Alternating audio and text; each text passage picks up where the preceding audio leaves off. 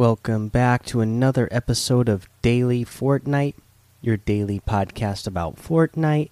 I'm your host, Mikey, aka Mike Daddy, aka Magnificent Mikey.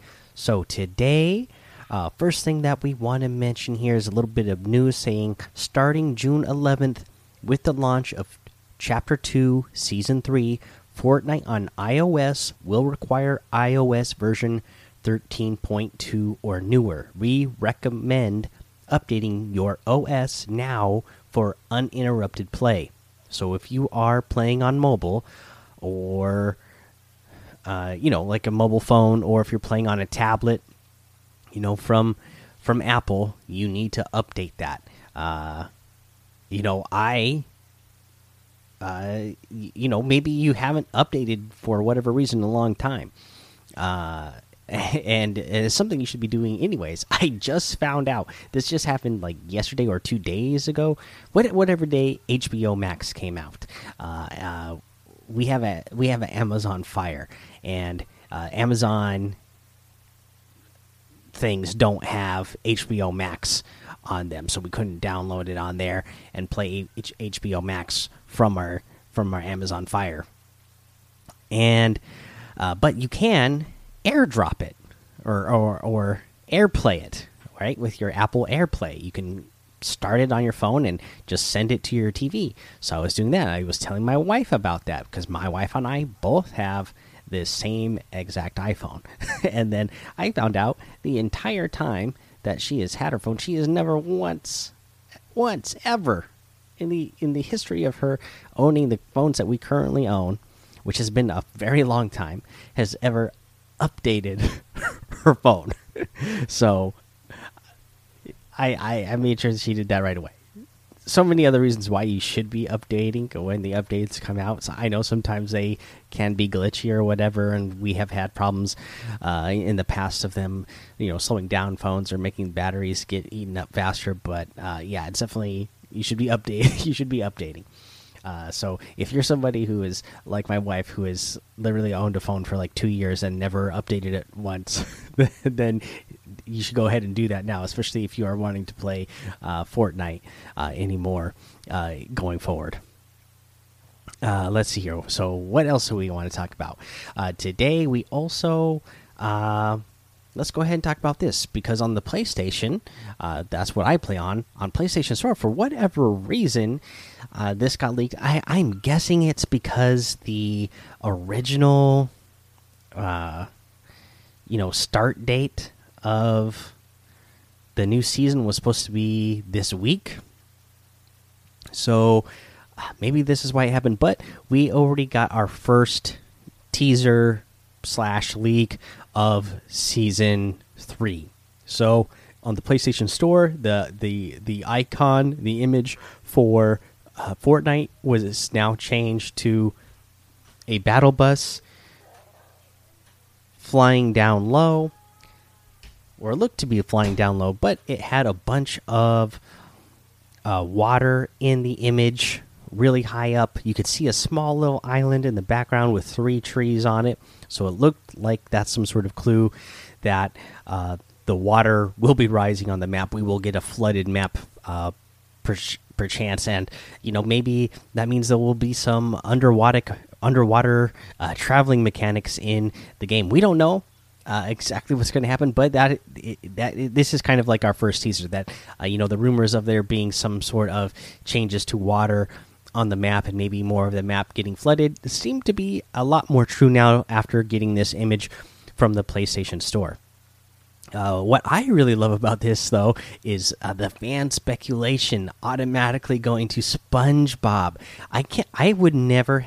I don't know how people make these connections, but man, people are so good uh, on the internet on just like spotting something and then connecting it to something else. But if you look at the image again, you see the Fortnite battle bus in the foreground.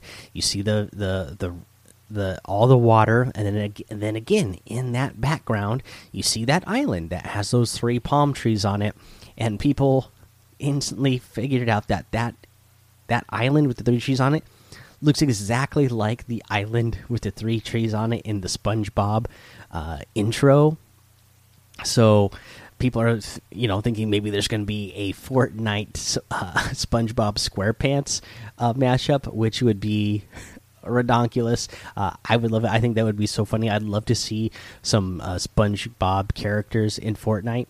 If I don't know if that's going to happen at all, uh, that's just something that people came up with on the internet. So I, I, I don't expect it to happen, but I think it would be cool if it happened. If it did happen, I, I want to know what characters from SpongeBob SquarePants would you want to see in the game? You know, who would your favorites be? You know, like obviously there's SpongeBob, uh, Sandy, Patrick, Squidward, Mr. Krabs. I, would love to. I'd love to uh, hear some of the other characters that you guys would like to see in the game if there was a SpongeBob mashup. Uh, let's see here, guys. No other news really. Uh, let's go ahead and just remind you uh, keep doing those challenges. We got that extra week, so uh, keep grinding those out. Uh, and let's go ahead and take a break here. All right, let's go ahead and take a look at this item shop. We got the Baki outfit back in here that comes with the Moki back bling for 1,200 V bucks. The Baki outfit has a new selectable style, so you have the default style where it's all pink and white, and now the Spy style where it's black and red. I really like the the the look for the black and red mask as well pretty cool. Looks like it has some sort of uh, digital effects on there, so uh, I really like that. I, I, I, like the new look for uh, Baki here. We also have the Ruby outfit for 1,200 V bucks that comes with the red alert back bling. Again, this is a great one. The stripe slicer harvesting tool for 500 and the sky stripe glider for 500. Uh, we have uh, the creepy clowns back in here with the peekaboo outfit and the battle battalion back bling for 1500 the Nite Nite outfit with the balloon llama back bling for 1500 remember uh, that these uh, all have selectable uh, styles as well for those creepy clowns and the pick squeak harvesting tool for 1500 you have the Facet outfit with the geode back bling for 1200. I've always really liked the way this one looks uh, for some reason. Uh, you have the gauge outfit for 800 bucks. The daydream emote for 800. The battle call emote for 200. The full tilt emote for 500. Uh, the scorpion outfit, one of my favorites, for 800. You can get any and all of these items using code MikeDaddyMMM, IKE, DADDY in the item shop, and some of the proceeds will go to help support the show. Now, for our tip of the day, this is about making your edits when you are in, you know, a 1v1 uh, box fight with someone. If you are on the outside of somebody's box, or if you are on the inside and you are the person making the edit on the other player, take your time uh, because we know that when you, uh, you know, make your pre-edit, the the the squares that you pre-edited out are going to be clear so that you could see through them a little bit uh, better. Uh, than you could if you weren't you know obviously if there if you if the wall is just there you can't really see through it very good if you're editing something uh, you know the blue squares come up you you try you start to make an edit and you can kind of start to uh, see through there a little bit and use this time to not just quickly make your edit and make a shot uh, but take your time look through there see where your opponent is. You know don't just blindly make the edit and then you know say you're editing a window. Just don't edit that window blindly and then expect to find your opponent lined up exactly where you want them to be and shoot them. No get your pre-edit have it ready and then when when what then be looking for that opponent and then get your reticle lined up that way when you release your edit and the the the window opens up you will know where your opponent is and have your shot lined up and ready to go on them.